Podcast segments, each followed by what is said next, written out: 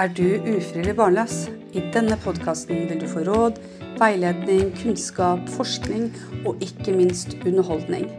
Alt innen fertilitet og veien til ønskebarnet. Fra et terapeutisk perspektiv av meg, Tone Bråten, terapeut, veileder og forfatter og gründer av Fertilitetshjelpen. Og også fra et medisinsk perspektiv ved hjelp av gjesteekspert Jon Hausken fra Klinikk Hausken. Og ikke minst blir det episoder med høyaktuelle gjester. Velkommen til din nye podkast å lytte til. Da er jeg kjempespent i dag. Vi har en uh, veldig uh, spennende gjest. Uh, det er en dame som jeg fant på Instagram. Eh, som kalles Donor Child. Og i og med at jeg selv har skrevet to barnebøker til barn av donasjon, så skjønner alle at dette er et tema som i hvert fall opptar meg som terapeut. Og spurte om du, Emma, kunne være med meg på en eh, podkastepisode. Så hvem er den her Donor Child som jeg fant på Instagram, Emma? Jeg eh, heter Emma, og mm-hmm. som I kan høre, så taler jeg dansk eh, fra Danmark. Og jeg er 26 og donorbarn. Um, og det begyndte jeg egentlig sånn for alvor at dele omkring, mens jeg læste til sygeplejerske, hvor jeg ble oppmerksom på gennem en veninde, som var lesbisk, um, at noen av de erfaringer, både jeg og min familie havde gjort os gennem livet, at de kunne bruges af andre. Så jeg kiggede lidt på nettet, og synes at det, det var svært at finde noget fra donorbørn, mm. som ligesom fortalte deres historie. Og så begyndte jeg først at lave en øh, blog, som jeg skrev på i noget tid, og så senere har det så udviklet sig til en øh, Instagram-konto, som i dag hedder Donor Child, hvor jeg bruger tid på at fortælle både min, men også andre donorbørns øh, historier og forskellige øh, vinkler på min egen historie, og også fra mine forældres øh, side for eksempel. Mm. Kan, kan jeg spørre deg, Emma, um, på hvilken måte fikk du fortalt uh, at du var barn av donasjon? Kan du huske det? Ja, så det er jo også en av de her ting, som ligger meg meget på sinde. Øhm, liksom å prøve å dele. Jeg har en meget positiv opplevelse av det å være donor. Ja, og det synes jeg er øh, veldig fint. ja, øhm, og det tror jeg jo på mange måter er af den måten mine forældre har håndteret det hele på. Mm. Jeg har både en mor og en far, øhm, men de hadde riktig svært ved å få børn og brukt seks år i fertilitetsbehandling, før de fikk mig. Wow. Øhm, ja, så det var en lang proces. Øhm, mm. Og i den proces havde de jo fortalt det til venner og familie. Og egentlig så var øh, rådet dengang, da de så blev gravide, der professionelt set rådet man forældrene til ikke at fortælle det til børnene. Men jeg tror, at mine forældre var meget afklaret med, at nu havde de inddraget hele familien, så kunne de ikke holde det hemmeligt for mig. Nej. Så de valgte ligesom at lave en øh, børnebog med mm. tegninger og billeder af venner og familie, som de læste for mig som godnathistorie fra jeg har været to-tre år gammel. Wow, så tidligt. Så tidligt, ja. Så jeg... Og de lagde den boken med bilder og med tekst om, om familien. Mm. Det var meget sådan, handlingen, den er meget enkel, men ja. det handler om min mor og far, som blev gift og elskede hinanden og gerne ville have et barn, og hvordan det barn ligesom ikke kom. Så de havde brug for, de gik til lægen og fandt ud af, at det var på grund af øh, min fars sædceller, og mm. så fik de hjælp fra en mand, som gerne ville donere nogle sædceller til at putte på mors æg, og så fik de mig. Så det er egentlig en meget simpel historie, men som kort fortalt både om den hjælp, de havde fået, og om den her rare mand, som donor for meg altid har vært i mine tanker. Mm. Øhm, og sådan den prosess de var igjennom for liksom å få meg, som var på så mange måter et ønskebarn. Mm. Eh, valgte de da en anonym donor eller åpen donor? I Danmark kunne man ikke velge på det tidspunkt. Der fantes kun ø, anonyme donorer, så jeg har en anonym donor. Mm -hmm. Eh, hvordan oppleves det da å ha en anonym donor? Jamen, det er jo svært å uttale seg om, fordi Mhm. det er jo så forskjellig. For meg øh, har det bestemt ikke vært noe problem. Øh, jeg tror, jeg litt har sett det som en, en lettelse, at det var noe der liksom var en dør, der var lukket. Det er noe vi sagtens kan snakke om, og vi taler om øh, måter hvorpå jeg donor, eller som ikke er typiske træk fra min mor, for eksempel. -hmm. Øhm, men jeg har egentlig haft det fint med, at, at jeg heller ikke havde nogen forventninger, øh, hverken fra min side eller fra hans side. Øhm, jeg er udmærket klar over, at det ikke er alle, der har det, som jeg har det. Men for mig har det været, øh, har det bestemt været en lettelse, og jeg tror, at jamen, noget af det, jeg går meget ind for at kommunikere på min Instagram, er vigtigheden af det her med at fortælle tidligt. Ja. Og det tror jeg på er endnu vigtigere, end hvad for en donor man vælger. Øhm, og så tror jeg, at, at valget af donor, uanset hvad man vælger, vil være svært. Nu ved jeg, at det ikke er alle lande, hvor man har muligheden for at vælge. Det har vi i Danmark. Mm. Der kan man enten en anonym eller en, en ikke anonym. Og det sier man vel ikke riktig lenger. Man kaller det vel en åpen eller en ikke-åpen donor. Mm. Fordi anonym, det ved vi jo alle sammen godt med de muligheter vi har i dag, så er man jo ikke anonym. Nei. Jeg syns det er veldig interessant det du snakker om, Emma, fordi at um, det her med å si det tidlig, at det er det viktigste. Mm. Uh, jeg har jo skrevet en bok som er til barn av sæddonasjon, men også en bok som er til barn av eggdonasjon. Uh, og da jeg begynte å se litt på forskning rundt det, så så jeg at en veldig fin alder å fortelle det på kan være mellom fem og åtte år, faktisk. Eh, og også på den måten du eh, har blitt fortalt det. Eh, at det kan være ved en bok eh, med enkle for forklaringer. Eh, I mine bøker så er det veldig viktig å få frem at det er mamma og pappa som er foreldrene til dette barnet. Det er mamma og pappa som er bakgrunnen for at barnet eksisterer. Det er dems kjærlighetsprosjekt, det er dems kjærlighetsbarn. Ja. Eh, og så er det en donor. Det, det kanskje jeg har anbefalt mine pasienter da, på, på fertilitetsklinikk, det er å si at man har fått hjelp av lege eller et sykehus og fått en celle eller en sædcelle, eggcelle av legen, eh, og så er det en person som har valgt å levere eh, det til legen eller sykepleien, fordi mange barn syns jo at det er logisk å få hjelp av lege hvis det er noe eh, galt, hvis man mangler noe, så kan Mhm. man komme til legen og få litt, eh, eh, få litt hjelp. Altså, donor har ikke så stor rolle uh, i mine bøker, annet enn at de leverer en, eh, en celle, da. Hva, hva- tenker du om det, Emma? Å si det på den måten? Jamen, det tenker jeg jo passer meget, stemmer meget godt overens med måten mine foreldre egentlig, Mm. altså han var nævnt, men han hadde bestemt ikke en stor rolle og var meget anonym. Og det tror jeg jo har haft en stor betydning for, hvordan jeg også har haft det med ham. Altså, jeg, jeg tænker på ham en gang imellem og sender ham glade tanker. ja. Øh, mere har jeg aldri haft behov for, for han er liksom jamen, har aldri haft en større rolle i mitt liv, og det tror jeg jo også handler om, hvor mye forældrene taler om ham. For Og noe av det, jeg interesserer meg litt for, det er sådan, hvor mange forventninger man kan nå å oppbygge.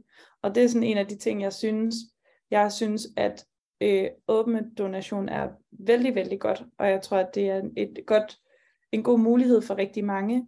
Men jeg synes, vi taler litt for litt om, hvor mange forventninger man kan nå å oppbygge på 18 år, hvis forældrene ikke formår å styre de her forventninger til Mm. den rolle donor skal ha.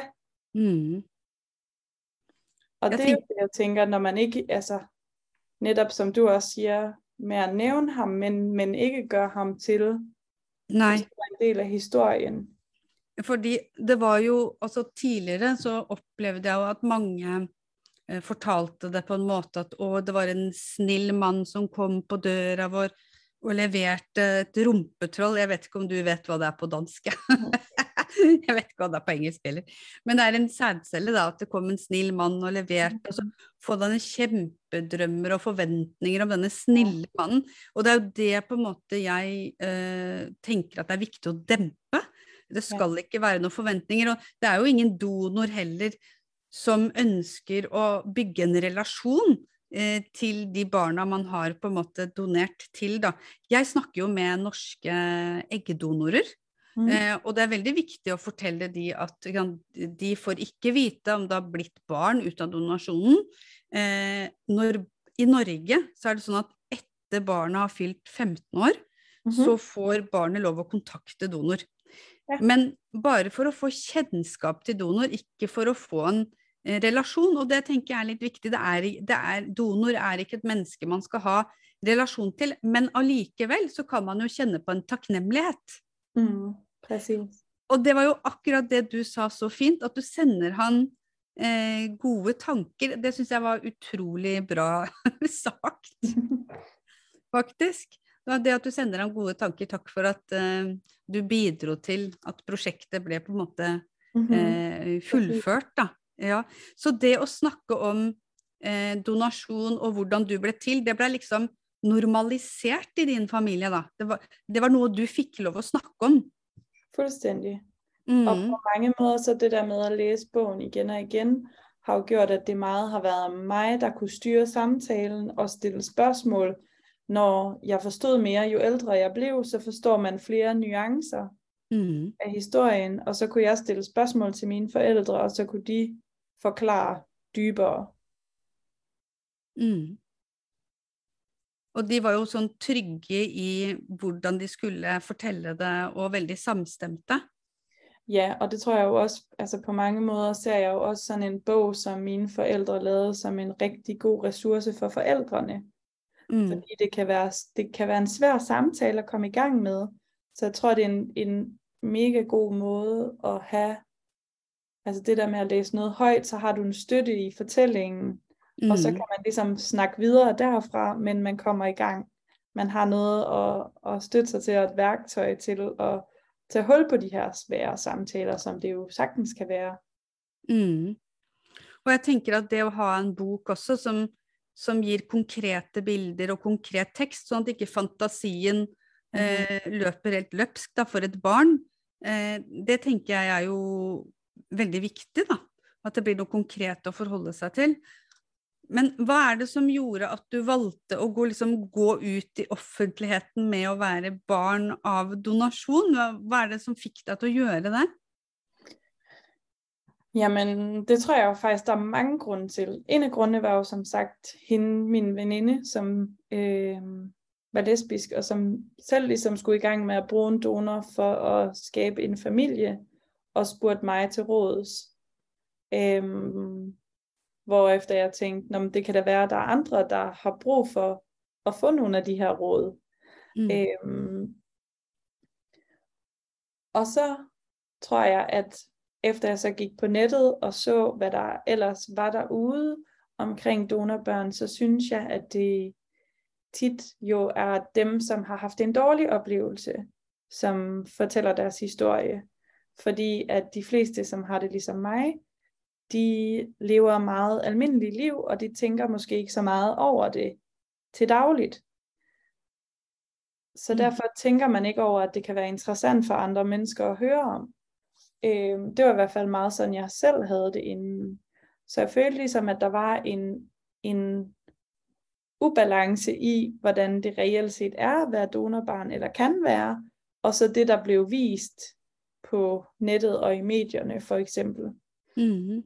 Øhm, og så altså, har jeg jo bare efter, at jeg ligesom begyndte at, at dele en lille smule ud, set hvor stor interesse der var, og øh, hvor meget behov folk har for at stille spørgsmål og blive øh, og være undersøgende omkring det. Altså noget af det mine forældre også sagde, var, at de kiggede efter bøger og ressourcer, dengang de selv var i processen, men ja. der var ikke noget dengang. Nej. Og der er jo meget mere i dag, men det er stadig svært, og det er jo nogle kæmpe store beslutninger, man skal tage. Øhm, Absolutt. Og jeg snakker jo med par før de på en måte tar donasjon, og veldig mange har tanker rundt det her. Hvordan skal jeg fortelle barnet? Man ønsker å være gode foreldre, men som jeg sier òg, at det er jo ikke alt man kan forberede. Det kan være at man får en liten sensitiv jente som man skal fortelle til, eller en litt sånn hard guttebass. Altså, man vet ikke helt, så det vil jo også styre hvordan man forteller det. Hvilken personlighet eh, barnet har òg, da, og hvor mottakelig man er eh, for informasjon. Men jeg tror det er viktig at det kommer naturlig med sånne godnatta-historier istedenfor å sette et sånt veldig alvorlig møte hvor man skal snakke om noe alvorlig, og det her må du ikke si til noen. Det mm. tror jeg det blir katastrofalt, tenker jeg. Og noe av det, jeg også har hørt mange gange, det er, at folk gerne vil vente til børnene forstår. Og det tror jeg er både for børnene, men også for forældrene selv, en farlig vei å gå, fordi mm hvornår er det? Og ja. det er en grense man blir ved med at flytte. Mm. Øhm, og så er der, passer det ikke lige, fordi så er der et eller andet andet i ens liv. Det der mm. kommer aldri et godt tidspunkt. Nej. Plus at det bliver sværere som forældre at skulle mm. forklare det her, som er ret komplekst, jo ældre barnet bliver. Mm. Tidligere du fortæller, jo mere får du selv lov til at øve det, end mm. at barnet ligesom har meget sådan, griber fat i de informationer, du giver. Mm. Og så kan man jo Jeg tenker at eh, de kommende foreldrene kan jo være veldig redd for å bli avvist. Det er jo det man er redd for, at bli avvist av sitt eget barn. Hva, hva tenker du om det, Emma? Um, det tenker jeg jo at jeg riktig godt kan forstå, at man er nervøs for. Ja. Um, og så tenker jeg jo, at det har vi aldri følt i, altså hverken min far eller jeg, øhm, på nogen måde. Og jeg tror næsten, at det der med, at man taler åbent om det, øhm, kan knytte en endnu mere. Mm. At man, i stedet for at man er blevet en familie ved et tilfælde, så vælger man at være en familie aktiv. Ja.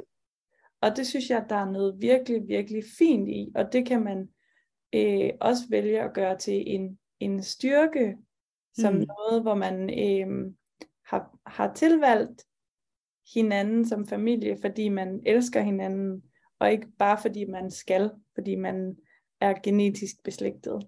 Mm-hmm. Uh, det her med å fortelle og føle at man står nær hverandre, det tenker jeg er veldig viktig, fordi jeg har jo hatt pasienter som har venta med å fortelle, og som føler at de lever med en hemmelighet yeah. overfor barnet sitt. Eh, og det er ikke alltid det eh, føles godt etter hvert, da, jo større barna blir. Og det at det ald kanskje det aldri føles 100 riktig tidspunkt, men at man starter tidlig med å på en måte implementere det i barndommen til barna. Du, jeg er litt nysgjerrig, Emma, fordi um, mange sier jo barn av donasjon, og mhm. noen sier donorbarn. Men jeg har en del pasienter som reagerer på De vil ikke at barna skal kalles donorbarn. Mm. så, så jeg sier til sykepleiere og leger ikke si donorbarn, si barn av donasjon. Hva, hva, tenker, du, hva tenker, du, om det, Emma? Um, jeg tenker at det er meget sjovt, for jeg har også opplevd at det er mange forældre, der har en holdning til det. Um, jeg har ikke oplevet, at der er andre, øh, som selv ligesom er det, som Nej. har en holdning til, stærk holdning til det. Mm. Øhm, jeg har jo altid selv kaldt det donorbarn i mangel på, altså jeg synes jo ikke, at vi har en god, Nej. en god formulering. Nej. altså, vi mangler et ord på en ja, måde. Jeg vet, et, et, et, et, sånn, et, et, et eller annet kjærlig, fantastisk ord for barna-donasjon. Ja, vi kan kalle det for i hvert fall kjærlighetsbarn, da, selv om alle barn er kjærlighetsbarn, men litt ekstra kjærlighetsbarn. Præcis. I min bok kalder jeg det jo eh, altså donorbarn et ønskebarn. Og ja. det har jeg alltid følt, at jeg var et ønskebarn. Mm -hmm. Sånn ser jeg det. Um, men tit når jeg skal fortelle om det, så sier jeg jo donorbarn. Mm. Um, og jeg synes jo, at det er riktig nok av forældrene å prøve at undgå det, for at, at man sikrer, at, at folk ikke føler seg stigmatiseret. Um, for meg har det aldri vært et Nei. problem. Mm. Det er jo veldig interessant å snakke med deg som er av um, anonym donor, eh, og som ikke har problemer med det. Fordi eh, mange pasienter drar jo også til utlandet eh, og tar anonym donor. Eh, Og i Norge så, så sier man at det, det skal være åpen. Um, Så det er litt godt faktisk å kunne få bekrefte da, av deg som er barn av anonym donor, at det er faktisk ikke et problem for deg. Nei. Mm. Det er det ikke. Og jeg kjenner flere, som også har anonyme donorer, som, hvor det heller ikke har vært et problem. Og så kjenner jeg også donorbarn som har åpne donorer, som har vært glade for det. Så jeg tror, at øh, Mm. Jeg tror, at som jeg også sagde tidligere, jeg tror ikke nødvendigvis, at det er det, der gør, om man er, har et godt liv, om, om det er en åben eller en anonym. Jeg tror, at kommunikationen og øh, den tidlige fortælling er det, øh, det væsentligste, det vigtigste øh, for, hvordan, hvordan barnet får det. Og det også å begynne å fortelle tidlig, at vi kan liksom konkludere med det, at det beste er å begynne å fortelle tidlig og på en litt sånn normal, ikke-hemmelig eh, eh, måte, og at det å kommunisere om det her også kan føre barnet og foreldrene nærme hverandre. Mm. Det syns jeg var interessant og fint, og at vi kan kalle barna donasjon for et ønsket barn, et kjærlighetsbarn. Man veit at sine foreldre har kjempa eh, for å få en. Mm. Eh, og det også kan jo føles veldig godt, vil jeg tro. Mm. Mm. Da tror jeg vi har vært gjennom i hvert fall det jeg ønska å ta opp. Eh, Emma, er det noe du har lyst til å avslutte med? Det, jeg tror egentlig, at sånn, de viktigste, mine vigtigste poengter, de, øh, dem har vi også talt om. Mm. Øhm, ikke annet enn at folk jo er mer enn velkommen til å øh, finne meg på Instagram og stille spørsmål og skrive til mig. Jeg svarer altid, hvis man skriver til meg i privat besked, øhm, hvis der er noe særligt, øhm, de gerne vil vide mer om, eller øh, jeg skal utdype. Fantastisk. Da vet dere at dere kan finne Donorchild på eh, Instagram. Eh, trenger dere mer veiledning til hvordan å fortelle barna donasjon eh, før donorbehandling eller etter, så kan dere kontakte fertilitetshjelpen.no. Så tusen, tusen takk, Emma, for at du stilte opp på dette intervjuet. Takk for at jeg måtte være med.